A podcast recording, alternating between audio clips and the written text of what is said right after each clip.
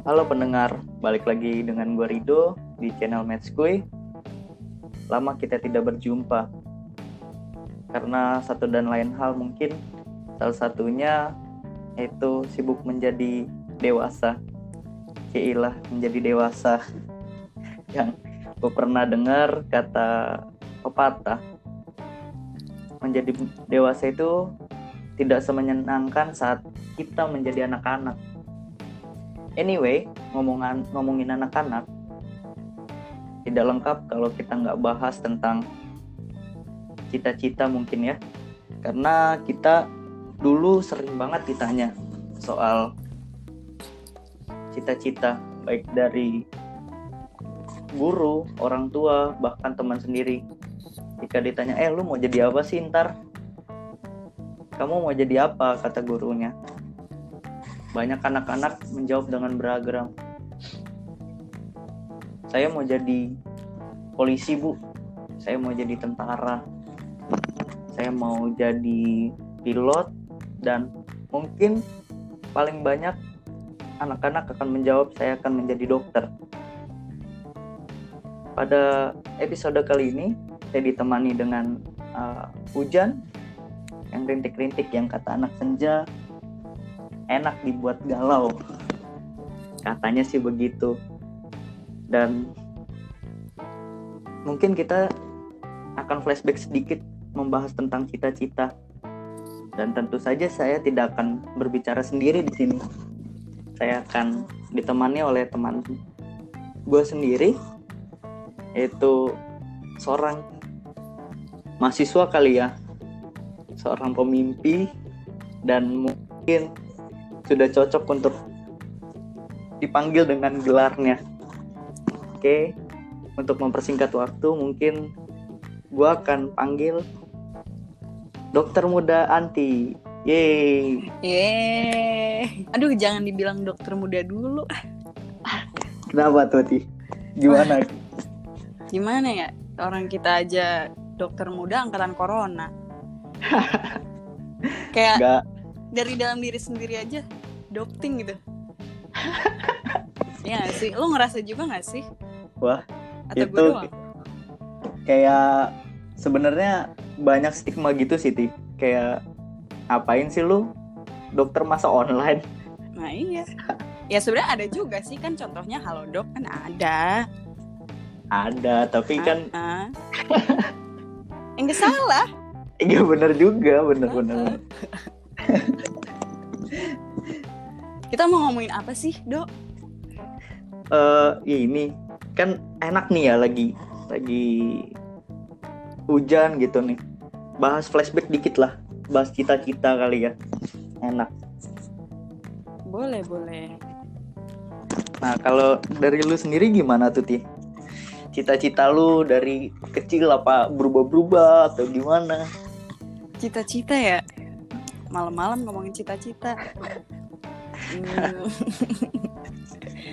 Ya kalau cita-cita gue mah dari kecil sampai sekarang berubah-ubah sih.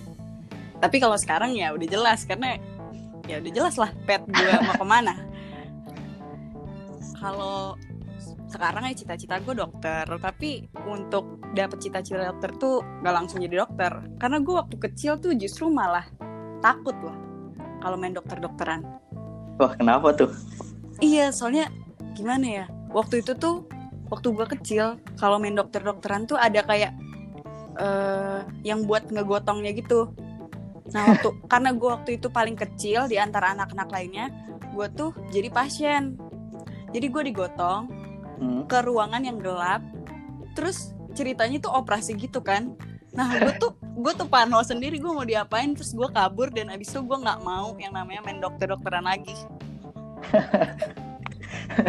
Trauma gitu lu berarti. Iya, terus waktu kecil juga gue tuh sering ke dokter tuh karena ke dokter gigi. Gigi gue bolong-bolong gitu lah. Nah kan sakit.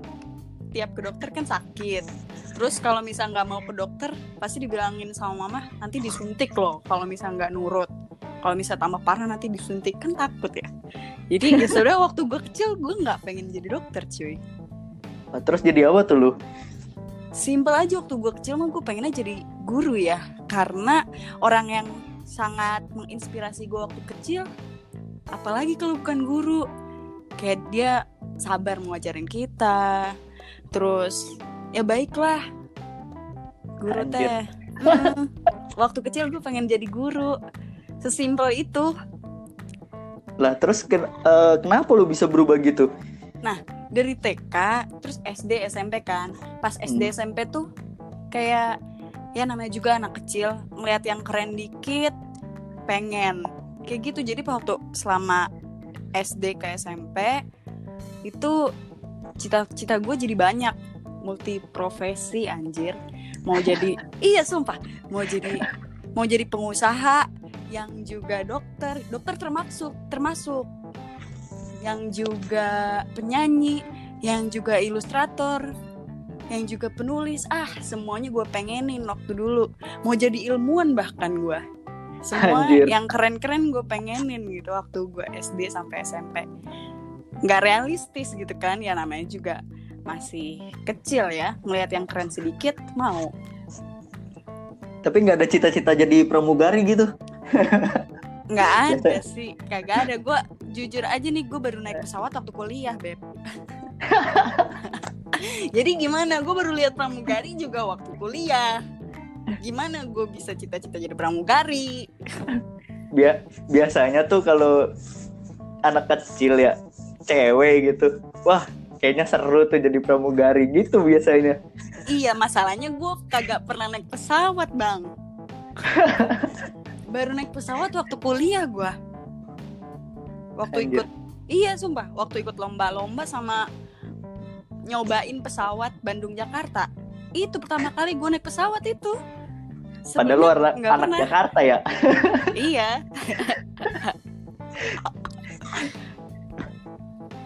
Terus terus eh, nah ada terus fluktuasi lagi nggak tuh? Kok tiba-tiba dari banyak gitu? Apa jadi malah tambah tambah bingung, tambah banyak apa makin mengkerucut tuh?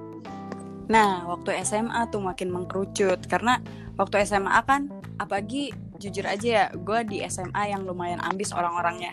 Yang kalau misalnya lu lu orang Jakarta Timur, lu tau lah SMA 61 Jakarta Timur.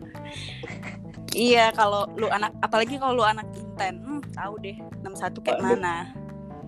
Waduh, Inten nih jebol-jebolannya. Biasanya sih ke delapan. kayak gitu kan. Kayak gitu kan. Pokoknya anak-anaknya tuh eh udah mikirin masa depan gitu. Nah gue jadi kebawa dong. Gue jadi environment gue se bagus itu udah mikir masa depan yang realistis ya gue juga kebawa. Dan gue mikir-mikir pas waktu SMA tuh udah mulai realistis nggak multi profesi lagi kira-kira apa ya yang gue suka dan gue mau gitu terus gue brainstorming sendiri aja gitu dok kayak kalau gue sukanya yang direct directly nolong orang gitu yang directly nolong orang dan interaksi sama orang karena gue juga tipe orang yang eh, suka ketemu orang baru gitu dok kalau gue Tapi kontraproduktif banget ya sama pas zaman lu kecil ya. Takut jadi dokter. Nah. Tiba-tiba jadi dokter gitu. itu karena pas waktu kecil tuh gue ditakut-takutin. Dokter di dokter tuh kerjanya nyuntik lah terus dioperasi terus tempatnya gelap. Kayak gitu kan serem ya. Anak kecil mah simple kalau yang bikin takut menghindar gitu. Nah pas SMA tuh itu gue dari yang gue suka yang gue suka kan yang nolong orang secara langsung sama yang interaksi orang secara langsung ya meskipun apa pun profesinya sebenarnya bisa aja nolong orang tapi kan kalau dokter langsung gitu dok Iya, padahal guru juga bisa tuh jadi cita-cita masa kecil lu kan nolong orang jadi tambah pinter, tambah eh, ngeraih cita-citanya dia. Gitu loh. Menurut gua. Terus juga jadi apa ya? Kayak polisi, polisi juga kan bantu orang juga untuk keamanan atau gimana gitu. kagak suka gue jadi polisi. Kenapa tuh?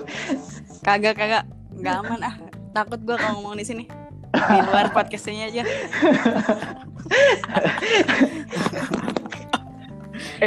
Ada tukang bakso tuh. mana? Mau dong. Kirim sini ke Bandung. Di luar tuh tinung ninung terus gue tuh maunya do yang kuliahnya tuh ada hubungan sama kerjaan gue nanti. Ya profesi lah. Nah makanya gue ambil apa ya yang mungkin ya paling kedokteran farmasi gitu-gitu kan. Tapi kalau Tapi- farmasi farmasi kan nggak interaksi sama orang langsung.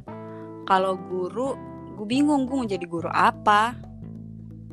Terus Iya ya? gue iya gue Guru- bingung mau jadi guru apa. Guru guru kalau apa namanya ke masalah kesehatan ngajar apa ya? Gue juga bingung juga kalau ditanya itu. Iya guru. Guru gue mau jadi guru apaan kan? Terus gue mikir juga eh, kalau jadi guru tuh ya gue jadi orang tua pun nanti akan jadi guru guru untuk anak gue anjay. Quotes of the day. Eh tapi bener loh. Bener loh. Bener-bener sih bener. Ah, ah, dan sebenarnya jadi dokter itu jadi guru juga. Karena sejarahnya dokter itu tentang ngajarin kan? Bener Gua- juga sih. gue lupa deh. Pokoknya gue pernah dikasih tahu dokter itu sejarahnya dari ngajarin tapi ngajarinnya tentang ya fisiologis manusia yang patologis kayak gitu. Oh berarti lo ngarang-ngarangnya bakal jadi dosen nih berarti nanti? Kagak juga dok. Masalah Eh. gini kita mengedukasi orang kan juga edukasi ya kan? Pendidikan ya kan? Betul juga sih. Ah, jangan judging begitulah. Gua- gue kira kan dari tadi ngajarin orang lo bilang ngajarin wih jangan-jangan nih calon dosen unpad nih kayaknya nih reinkarnasi tapi tidak menutup kemungkinan juga ya ya gue masih belum tahu gue bakal gimana kan Iya sih, betul betul. Nah kalau dari orang tua lu sendiri gimana ti? Maksudnya ada ngarahin nggak untuk cita-cita lu? Eh, lu harus jadi ini sih gitu. kalau gue sih jujur aja ya gue hidup di keluarga dan orang tua yang sangat memperbolehkan gue memilih cita-cita apa pun gitu. Anjay. Ah, ah, jadi ya apa pun itu kalau baik buat kamu kalau kamu merasa baik ya papa sama mama pasti dukung gitu. Asik Pas- juga ya. iya asik dong. Makanya lu jadi kakak gue dok. Agak lah. Takdirnya kan bukan kakak lu gue dok. Iya asik lah keluarga gue pokoknya Sabi sih. Nah kalau misal dari eh, lu kan udah mantep ya berarti nih udah jadi wah gue pengen jadi dokter nih. Kira-kira kalau eh, kehidupan lu tuh ada yang berubah nggak ti? Maksudnya kayak di keluarga gitu kan? Gue suka gini loh, maksudnya ketika gue ya ini pengalaman gue sendiri. gimana tuh gimana gimana Kalau gue masuk ke keluarga gitu pas gue masih jadi mahasiswa aja, masih preklinik dulu, itu Mm-mm. tiba-tiba soka mendadak. kayak gimana tuh suka mendadak ditanya-tanya Wah, tiba-tiba nih kalau lagi ada kumpul keluarga, Mm-mm. om gua atau pade gua tiba-tiba bilang, "Dok, sini. Ini, Dok. Om tuh punya punya gini. Ini kemarin nih kayak benjol-benjol gitu." Wah, tiba-tiba ditanya, "Itu sakit apa ya?" gitu. Hmm. Terus kenapa sih? Maksudnya kenapa kenapa jadi gitu, Dok? Kata. terus lu jawab gimana dok pagi pas Wah. lu masih maba Wah, itu complicated sih ya. Maksud gua gua belum belajar apa-apa gitu kan. Maba posisinya di maba gitu. Saking excitednya mereka kayak apa ya? Kayak seolah-olah kita udah jadi dokter beneran gitu loh. gue mau nanya dok lu jawab jujur atau so tau dok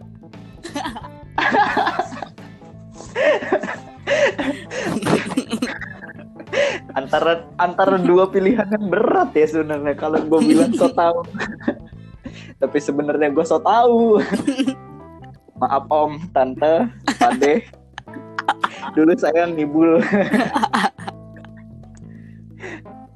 Karena ya gimana ya belum lu belajar pertama kayak masih bimbingan konseling gitu. masih kayak apa ya hukum-hukum kedokteran lah bahasa Indonesia mau jawab apa kita tentang penyakit coy kalau dari lu sendiri gimana tuh Kalau gue ya sama lah. Itu mah semua orang juga gitu dong. Sama-sama. Tenang, tenang, tenang. Kita merasakan hal yang sama. boleh Kalau boleh iya kalau gue jawabannya dulu, ya ya udah, gue bilang, "Eh, maaf, eh, Wak belum belajar. Tapi mungkin beberapa semester ke depan aku bisa jawab sih. Gitu. ini ini jawaban yang ini ya yang Realis. manipulatif ini ya? Tidak eh tidak manipulatif itu. Itu jujur namanya. Itu jujur namanya. Oh iya eh, wah gue cuman oh iya. Hmm. iya gitu. Dikirain Ya, karena ya, gitu. podcast jadi manipulatif gitu.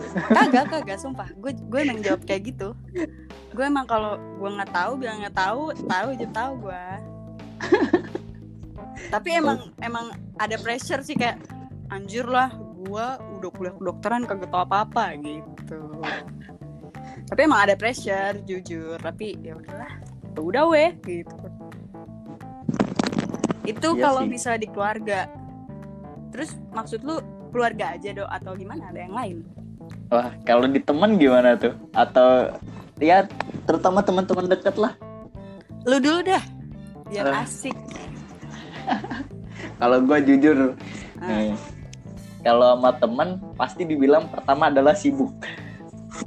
Oh maksudnya sama teman SMA lu dibilang gitu? Iya. Padahal jadwal mereka sama jadwal kita aja yang nggak pas gitu loh. Nah iya benar tuh. Kayak wah lu kok sekarang nggak asik sih? Nggak bisa diajak nongkrong lagi katanya. Wah. Gimana mau nongkrong? Hari besoknya udah ujian kan nggak asik gitu ya. Eh lu mah SMA-nya SMA Jakarta juga ya dong Jakarta gua. Oh. Pantesan Gitu. masih bisa masih bisa diajak ini diajak kongko iya kalau gua kan SMA Jakarta kuliahnya di Bandung. Oh ya guys ini eh, bintang tamu kalian dari Unpad ya guys. Promosi dia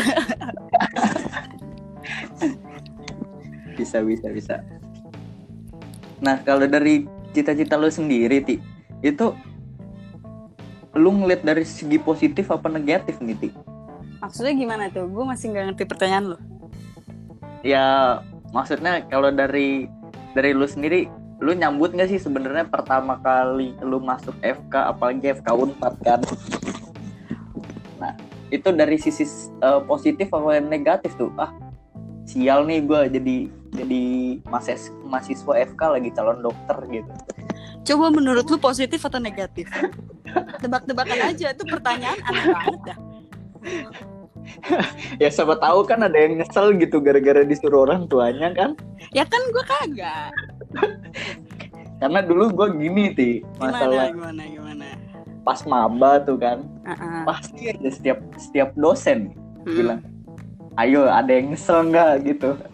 Terus lu tunjuk tangan? Ya masa gue tunjuk tangan? Kan gue udah nyebur.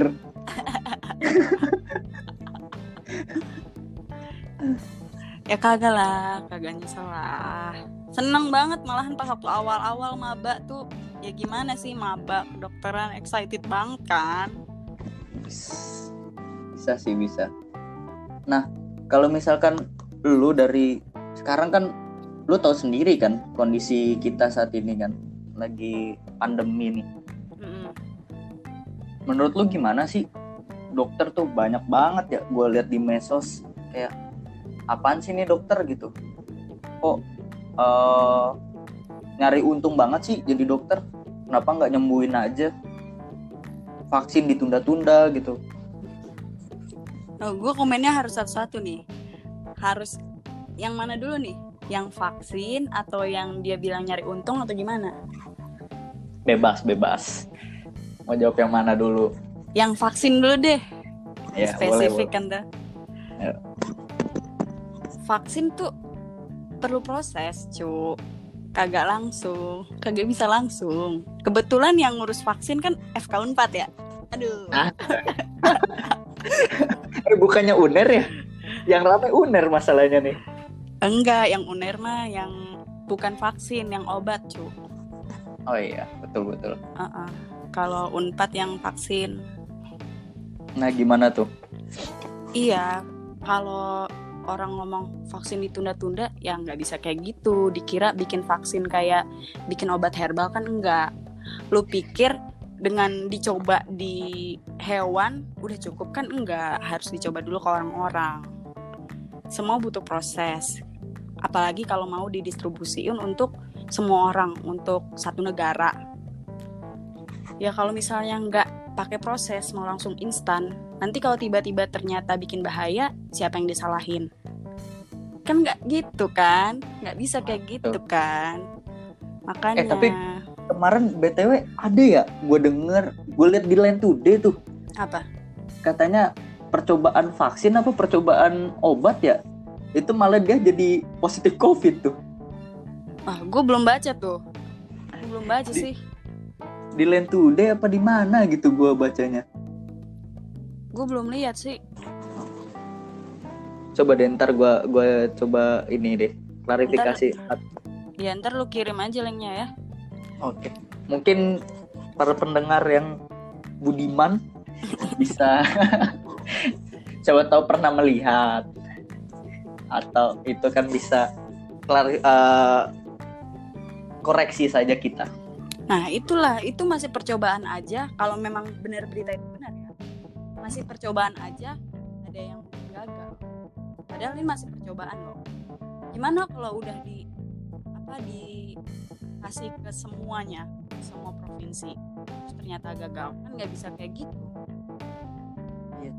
Kita kan cuman manusia kita kan cuman manusia ya cuman bisa berusaha nggak ada yang bisa tahu kalau 100% sukses nggak ada bener gak? apalagi posisi sekarang kayak lagi kacau balau ya.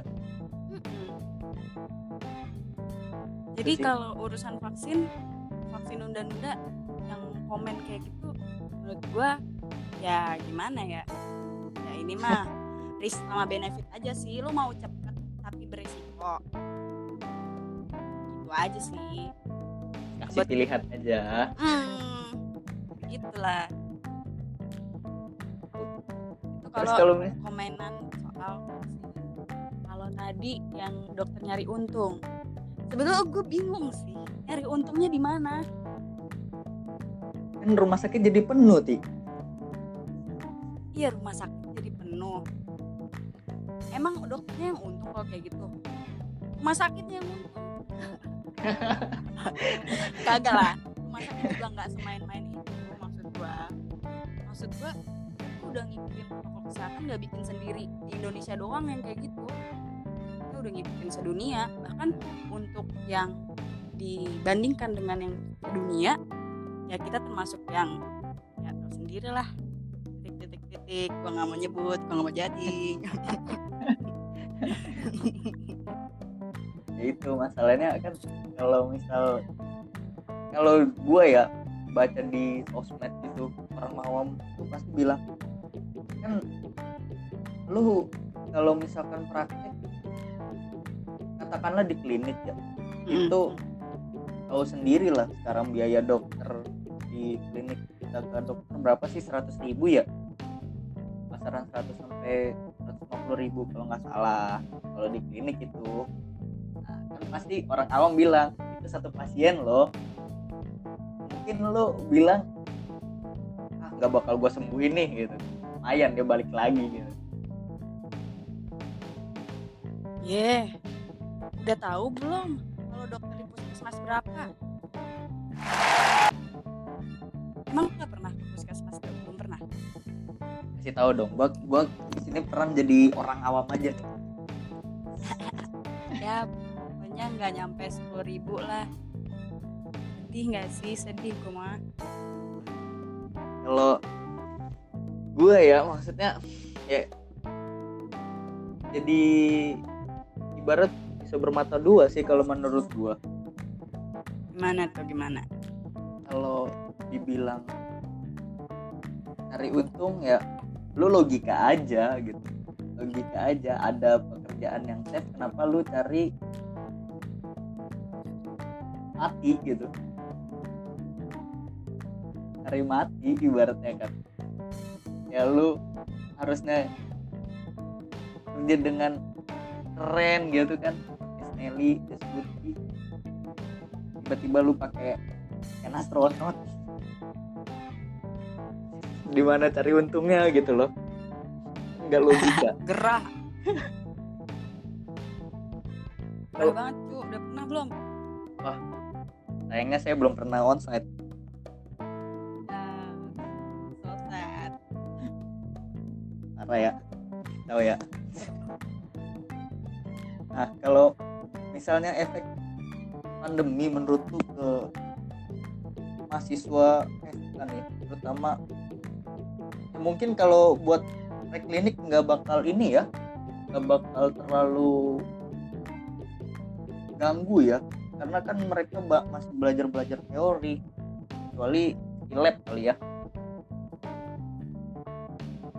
Ngaruh sih menurut gua ngaruh juga sih do kayak coba deh lu mikir kalau lu nggak pernah diajarin sirkumsisi gimana? Iya gimana lu mau nyunat orang? maksud gua pas di lab doang paling ya. Iya Kalau- pas kilap doang sih. kalau sisanya kayaknya ya ya bisa lah Kayak baca-baca buku doang tuh. Ya bisa lah.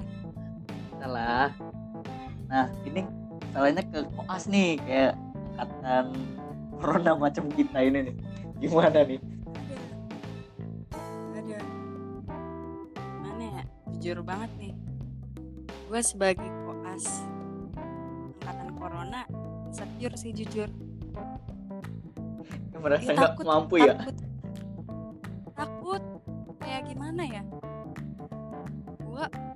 jujur aja nih ya. Gue ngerasa gue nggak rajin-rajin banget nggak pintar-pintar banget. Udah gitu keterampilannya kurang. Nggak pernah lihat pasien. Gimana? Insecure anjir. Kayak lu stres gak sih mikirin hal itu? Gue gue sebagai orang yang overthinking yang sering overthinking ya sering mikirin itu kayak "Oh, pantas nggak ya kalau kayak gini? Pantas nggak ya dokter bisa kompeten nggak ya? Kayak gitu. Tapi gue yakin gak cuman gue doang yang ngerasain. Jadi ya. Dan kacaunya tuh kayak gimana ya? Gua kan kemarin eh, sebelum koas kan pasti ada namanya penetraan dasar ya? Gimana da- penetraan dasar tuh kayak macam pelatihan BLS eh, pengenalan alat gitu gitulah itu aja. Gue merasa kayak anjir gue tahu itu bentuk skapel gitu. Alat benda tuh apa minor set apalah ibaratnya kalau dalam bentuk virtual. Kalau di pas ntar gue onsite katakanlah gue lagi stase bedah sekarang kan. Ketika dokter minta bantuin operasi ya kapal dong tolong gitu. Masa lu diem dulu gitu kan gak lucu kan? Ya gimana ya? Kayak gak pantas gitu apa? Terus juga biasanya kalau di akhir ya kalau dokter udah punya kepercayaan juga kan kita bisa jadi suruh acting tuh jahit lu nggak pernah di nggak pernah mempelajari itu tiba-tiba disuruh ngelakuin itu. Kayak bakal malu nggak sih lo sama pasien gitu loh? Jadi ya moralnya cu moralnya. Nah beban beban moral itu. Beban banget. Apalagi tapi ya mana ya? gimana tuh? Ya gitulah maksudnya kalau tahu teori doang anamnesis nggak se semudah kayak di PPT loh. Iya orang waktu gue udah lama PJJ kan terus anamnesis orang. Gue nih udah matrikulasi kan dok kemarin. Baru matrikulasi setelah PJJ lama. Itu kayak pas stuck dulu ya dong gitu di pala lu tuh blank. Kosong. depan gua? Ah, kayak gitu adalah nanti ya fase di mana lu kaget. Itu dia kalau selama tapi gue yakin dok yang ngerasa kayak gitu nggak cuma kita doang. Jadi yang yang bisa kita lakuin cuman ya facing reality aja. Ikutin aja lah. Jalanin aja. Ah, jalanin aja sistem. Oh nggak ada yang mau juga kayak gini siapa yang bakal ngira pandemi berbulan-bulan? Anyway lu kan hmm? gue sering lihat lu di IG nih. Lu sering cover cover Aduh. lagu ya? Aduh gue dilihat ketua bapin guys. Malu. Lu sering-sering cover cover lagu tuh. Nah pertanyaannya kenapa lu Apa nggak jadi penyanyi suara gue jelek dong cuma hobi doang. Boleh kali ya? Doang suara di sini kali ya? Aduh jangan deh. Jangan doa satu lagu dong. Intronya aja intro intro. Apa lagu Mipan Zuzuzu itu mah gimana ya? Nggak nggak ini juga dong satu lagu aja nih Ken. Lumayan Apa nih ya? pak. Apa ya, lagu apa ya? Yang lagi zaman apa sih? Gue cari lirik dulu nih ngetik nih gue nih. Nyanyinya bareng lu ya tapi. Dan gua. Kalau gua ntar dia langsung gue nggak mau. dilempar kalau gua. sendiri dilempar gimana nih? HP HP yang kagak. podcast ini ini nih langsung dilempar coba dong boleh sebelum boleh di atau ini aja mau di Ayunda kamu dan kenangan tahu nggak lu? Boleh boleh boleh. Yang Habibi Ainun. Boleh boleh boleh. Kamu eh kedengeran nggak? Kedengeran kedengeran. Oke oke. Kamu dan segala menyatu dalam waktu yang berjalan. Dan aku kini sendirian menatap dirimu hanya bayangan. Tak ada yang lebih pedih daripada kehilangan dirimu cintaku tak mungkin beralih. Sampai mati hanya cinta padamu. Yoi. Asik. Tepuk tangan dong.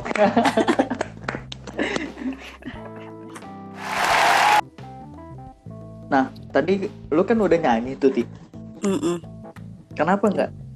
Kenapa nggak jadi penyanyi aja daripada jadi dokter kan suara gue pas-pasan dok. Kan tadi lu juga dengar siapa tahu jadi Tompi. Ya Tompi kan dokter sama penyanyi tuh. Tompi Tapi dia lebih- bagus. tapi dia lebih ke penyanyi nggak sih?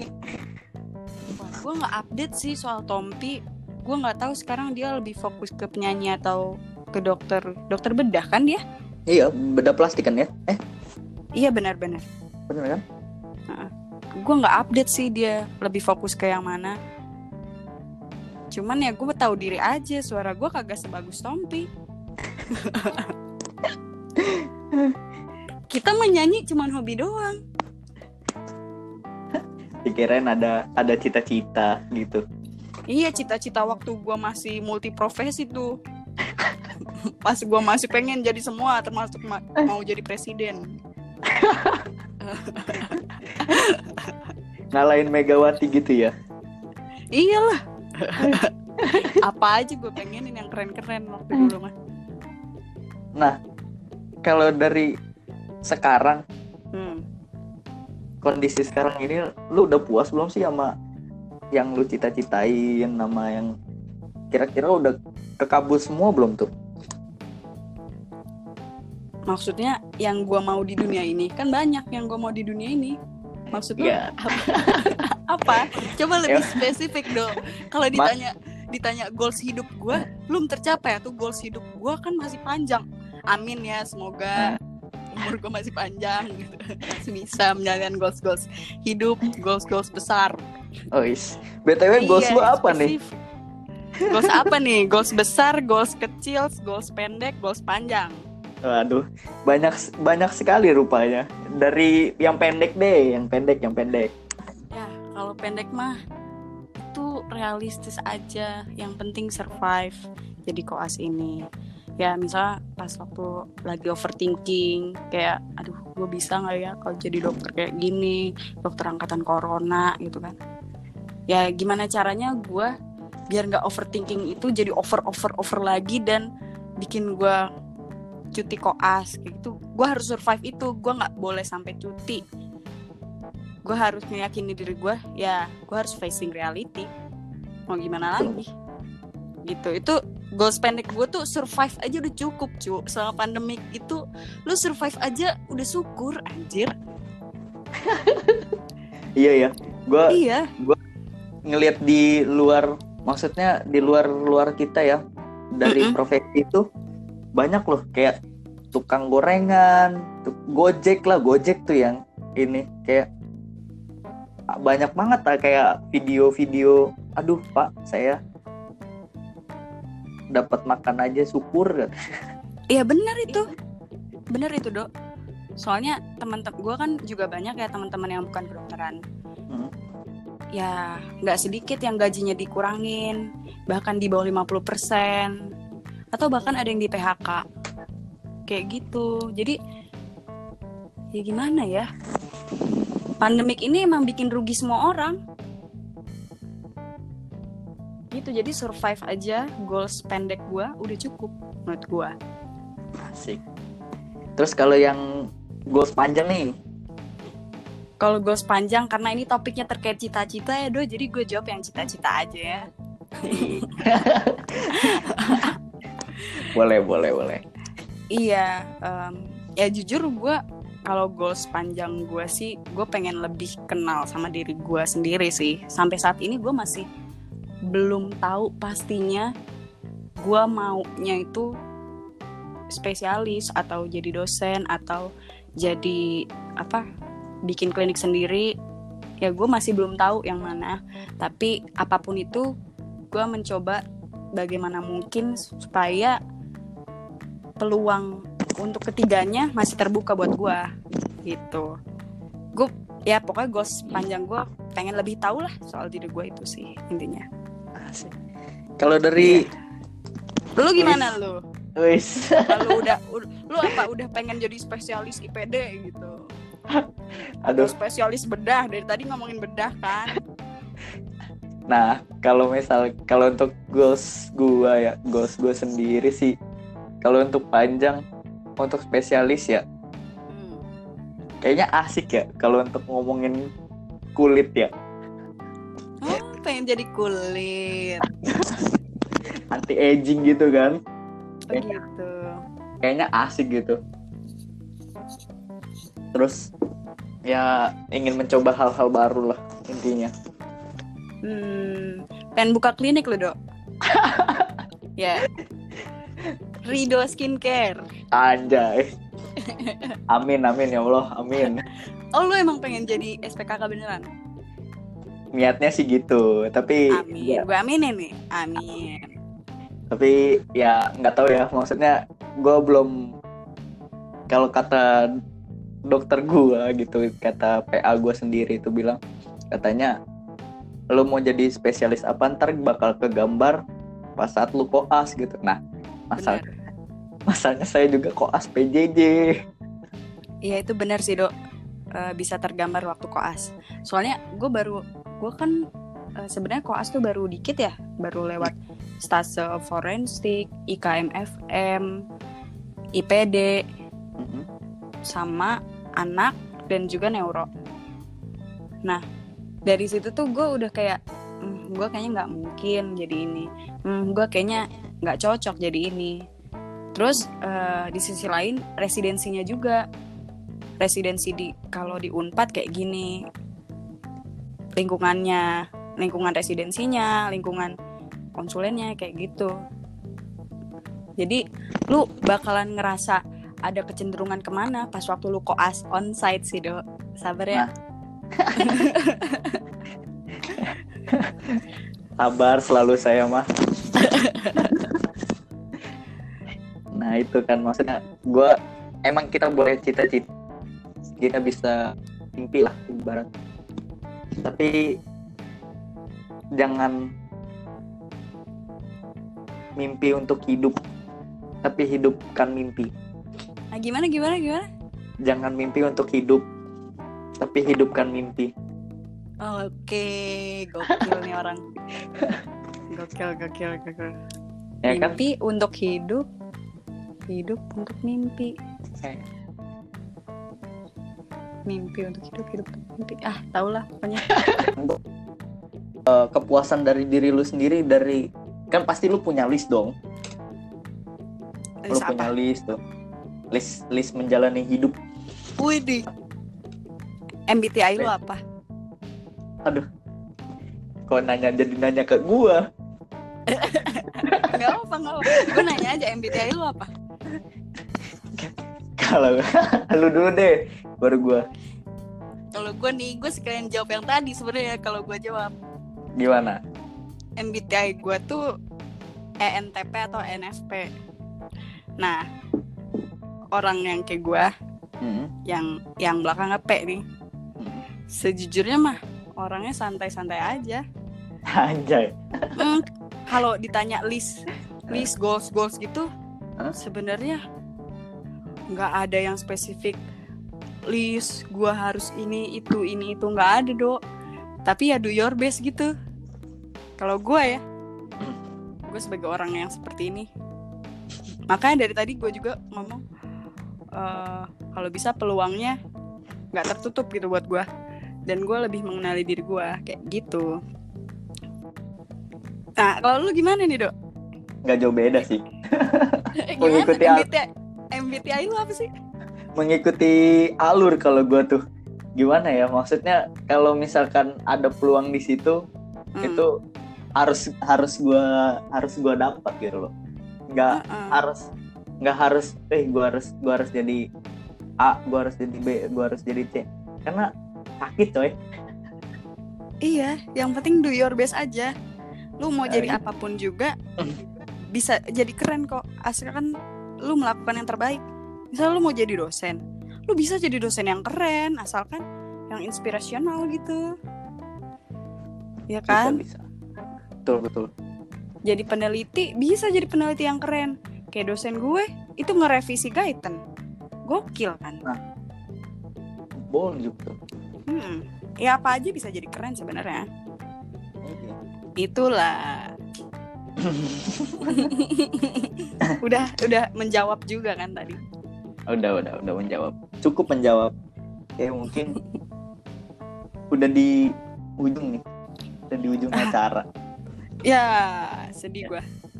aduh closing statement dong dari lu sendiri untuk orang-orang yang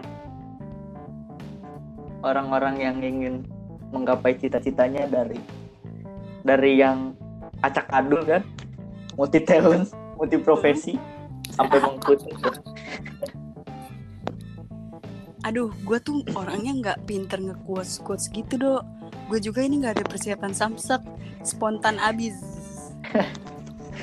ya, closing Jadi? statement gua mah pokoknya buat teman-teman yang eh, misalnya peng masih bingung cita-citanya mau jadi apa, kenali diri sendiri dulu. Itu sih. Gua itu mah dari gua sih. Dok, itu bukan Dari- kesimpulan dari podcast kita sih. Itu Eh. itu dari gua. Kalau lu gimana, Dok? Iya, kali Nah. aja lu bisa menyimpulkan podcast ini, Dok. Nah kalau kalau kalau podcastnya sih sebenarnya raba rasa raba rasa raba rasa apa yang lu pengenin apa yang jangan langsung judgement gitu lebih baik ngalir mengenai cita-cita. Karena semua profesi baik. Betul nggak? Betul itu. Terus juga kayak kalau lu udah terjun di satu bidang jangan pernah menyesal. Asik. Eh tadi jangan gue gue belum nanya. Apa tuh? Lu nyesel nggak jadi dokter? Gue tadi belum nanya Wah. balik nggak ada gue nggak ada nyesel gue karena gue udah nyebur. Karena gue udah nyebur gitu. Tadi Keren. balik lagi. Balik lagi ke closing gue ya itu. Kalau lu udah nyebur udah milih ke satu pilihan lakukan yang terbaik. You are the best. Yuhu, tepuk tangan. Oke, baik. eh, thank you Ti udah ngobrol malam ini dan menin Thank di you juga dong. episode episode yang gabut ya.